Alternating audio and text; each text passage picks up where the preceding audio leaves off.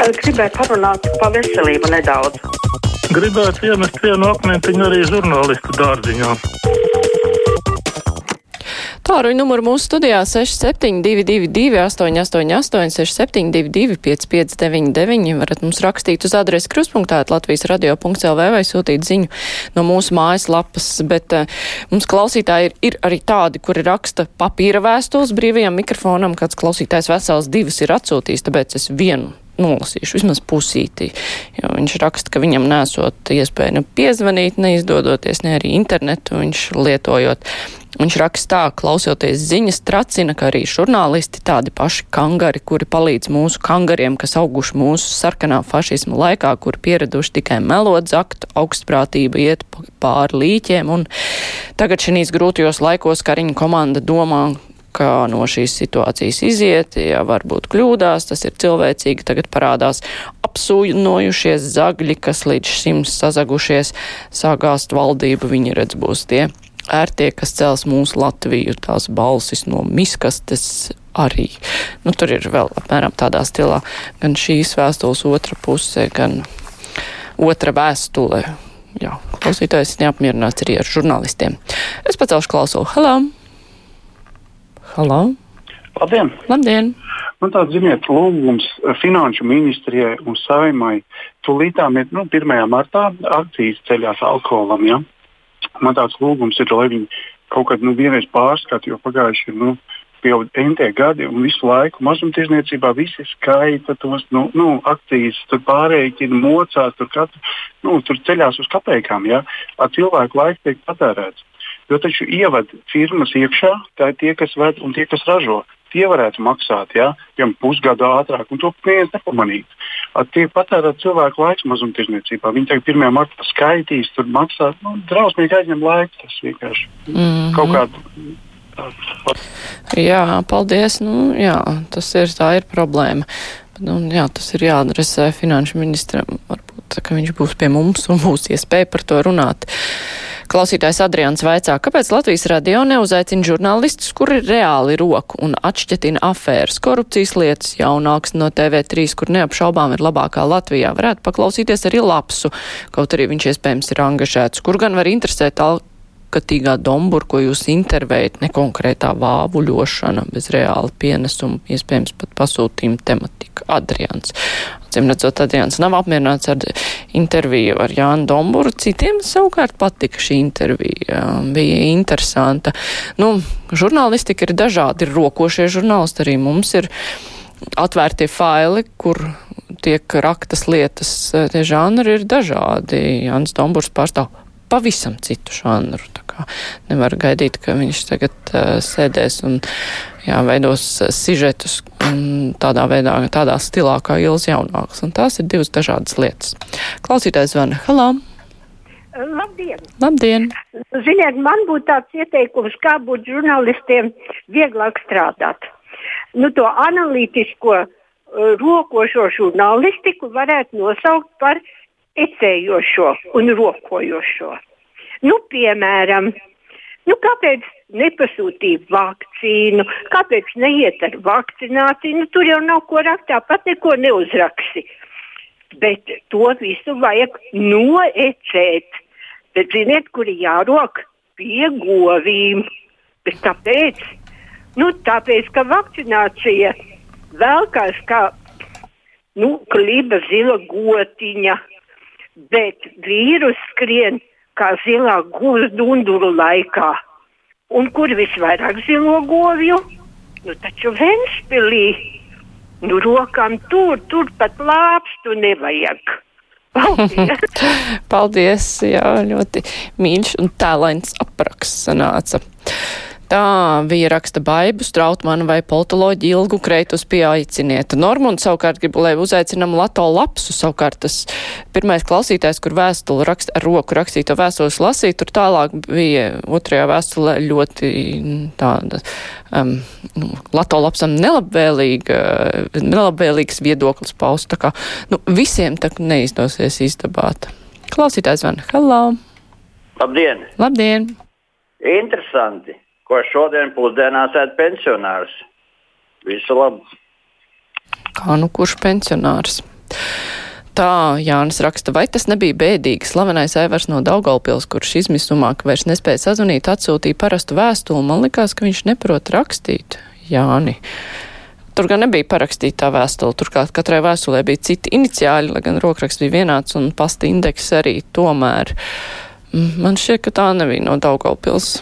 Klausītājs zvana, hello! Sveicināti! Labdien! Man raisa pārdoms Lemberga lieta. Viņš, būdams augstākās padomas deputāts, pa parakstījās par Latvijas neatkarību. Un visi tie, kas parakstījās par Latvijas neatkarību, es skaitu, ka viņi ir varoņi. Un tiesa un mm, cietums nevar viņiem pielikt. Mm -hmm. Tā tad mūžīgā neaizskaramība par vienu balsojumu būtu jau daļi, bet nezinu, vai pareizi. Viesturs vaicā, Māra, kā jūs domājat, Lemberkungs klausās radio? Nezinu, vai tur, kur viņš atrodas šobrīd, skan radio, bet varbūt arī. Hm. Tā laimdota raksta, vakcīna neko nedos, būs jauna vīrusu paveida, kam tā nedara līdz 2036. gadam, tā muļāsimies. Interesanti, kāpēc tieši 36. gads tiek minēts. Tā savukārt Antons raksta, es dzīvoju Aiviekstē, man ir apnicis tas bardaks, kas tur notiek. Cik ilgi taisīs to hesu? Labi, pacelšu klausulu. Halā! Sveicināt! Labdien! Man ir jautājums par to Covid-19 potēšanu. Vai tas bija prāta darbs, ka tagad visu Latviju sadzen uz vienu kabinetu kaut kur centrā? Un pēc tam atkal visu informāciju izplatīs pa visu Latviju? vai nevajadzēja tomēr katrā pašvaldībā savu vakcinācijas centru un uh, Rīgā tikai koordinēt, uz kuriem sūtīt ampulas. Bet tā jau nav, ka tikai Rīgā vakcinē. Vakcinē jau tīpaši tev tā kā ģimenes ārsts tagad sāks taču daudz kur. Tas, ka Rīgā atrodas vakcinācijas uh, birojas, tas, jā, tas koordinējošais, tas atrodas Rīgā, bet vakcinācija jau visur, kur notiek. Tā nebūs, ka visiem jāiet uz vienu vakcinēšanas punktu. Tā klausītājs raksta tā. Uh, bail pat iedomāties, ar kādu izglītības līmeni strādā pedagogu mūsu pirmskolas iestādēs, ja tikai 33% ir gatavi vakcinēties pret covid-19. Kādas gan zināšanas viņi spēja dot bērniem dzīvojot mītu un šaubu pasaulē ar viņu izglītošanu sadarbībā ar izglītības ministriju ir apņēmusies neatkarīga izglītības biedrība, kur ir pašvaldība un pašvaldības savienības iestāja, iesaista šīs problēmas risināšanā. Nu, es nezinu, vai katram cilvēkam, kurš ir izlēmis par labu vai par sliktu vakcinēšanai, vai viņiem visiem ir pilnīgi vienota motivācija, kāpēc viņi to dara. Varbūt ir kāds, kurš dzīvo šaubu un mītu pasaulē, bet varbūt kādam citam ir citi racionāli, viņam vien zinām argumenti. Un vakcinācija pie mums ir brīvprātīga, un es nezinu, vai vajag sodīt cilvēkus par to, ka viņam ir kaut vai bail no vakcīnas. Arī tā var būt. Klausītājs zvana, halā, o, oh, vairs nezvana. Tā Nille raksta, visu manu jaunību Lembergu tiesā varbūt tikšu līdz pusmūžam, kad šo notiesās, teicās jau, ka vēl pārsūdzēs. Nu, nu, jau notiesāja, bet droši vien, ka pārsūdzēs turklāt abas puses taisās to darīt. Klausītājs Anna Halā. Labdien! Labdien. Klausos uh, intervijas ar Juhņēvičs kundzi un vispār domājot par vakcināciju.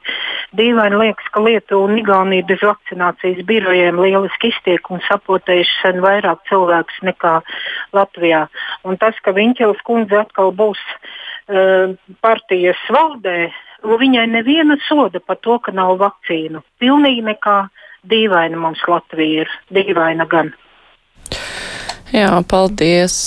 Klausītājs raksta, esmu pašnodarbinātājs, man valdība apaļ un neko, es turpmāk valdībai arī neko būs vēlēšanas, tad nu es uz tām pat neiešu, kā tautā saka, kā valdība man, tā es valdībai, kā sauc tā atsaucas, un turpmāk tā būs vienmēr. Mums vajadzētu uzrakstīt plašāk, kāpēc eh, jums valdība neko, kāda bija tie apstākļi, kāpēc jūs, piemēram, nesat ticis pie dīkstāvs pabalsta, jo ir vieglāk saprast uh, situāciju, tad, ja jūs uzrakstat, uh, kādi bija tie konkrētie šķēršļi. Tas būtu vērtīgi. Tā, mums ir kāds zvana ar.